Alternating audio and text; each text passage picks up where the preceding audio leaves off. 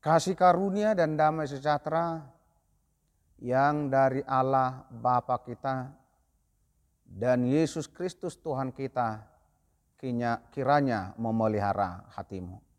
Amin. Sahabat rohani, saroha, renungan kita pagi hari ini diambil dari Mazmur pasal 142 ayat yang ketujuh demikian bunyi firman Tuhan. Perhatikanlah teriakku, sebab aku telah menjadi sangat lemah. Lepaskanlah aku daripada orang-orang yang mengejar aku, sebab mereka terlalu kuat bagiku. Demikian firman Tuhan. Sahabat rohani yang terkasih di dalam nama Yesus Kristus, berlari secepat-cepatnya tanpa henti dan sejauh mungkin. Demi menyelamatkan jiwa karena terancam oleh musuh yang sangat kuat. Tidak ada waktu untuk beristirahat, tidak ada tempat berteduh yang aman. Semua orang menghindar dan diam. Tak seorang pun yang berani menolong dan melindungi. Karena pengejar pemburunya adalah orang yang sangat kuat dan sangat berkuasa. Tenaga terkuras, dia menjadi sangat lemah dan butuh pertolongan dari yang lebih kuat, dari yang lebih berkuasa. Demikianlah pemazmur menggambarkan dirinya dalam nats renungan kita hari ini Pemasmur berada dalam kesusahan yang sangat besar dan dia telah kewalahan menghadapi keadaannya.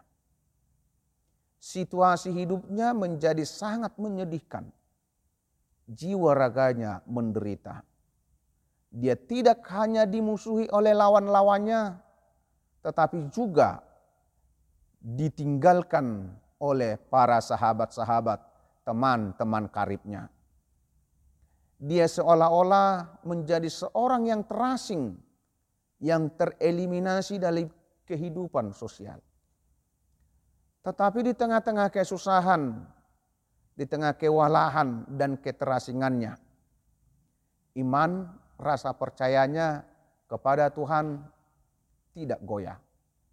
Dalam keterancamannya, dia pergi ke gua untuk menenangkan diri dan berdoa kepada Allah dalam doa pemazmur kita dapat melihat hanya menjadikan Allah sebagai tempat perlindungannya dan percaya Tuhan akan menolong dirinya. Dia berseru-seru kepada Tuhan dan membuat sebuah pengakuan pernyataan iman bahwa Tuhan adalah tempat perlindungannya dan dia akan tetap berada dalam keselamatan yang daripada Tuhan. Pemasmur menyaksikan iman percayanya kepada Tuhan. Engkaulah tempat perlindunganku, bagianku di negeri orang-orang hidup. Dapat kita lihat nanti di ayat yang keenam. Sekalipun pemasmur kewalahan dalam kesulitan hidupnya, tetapi dia tidak menyerah.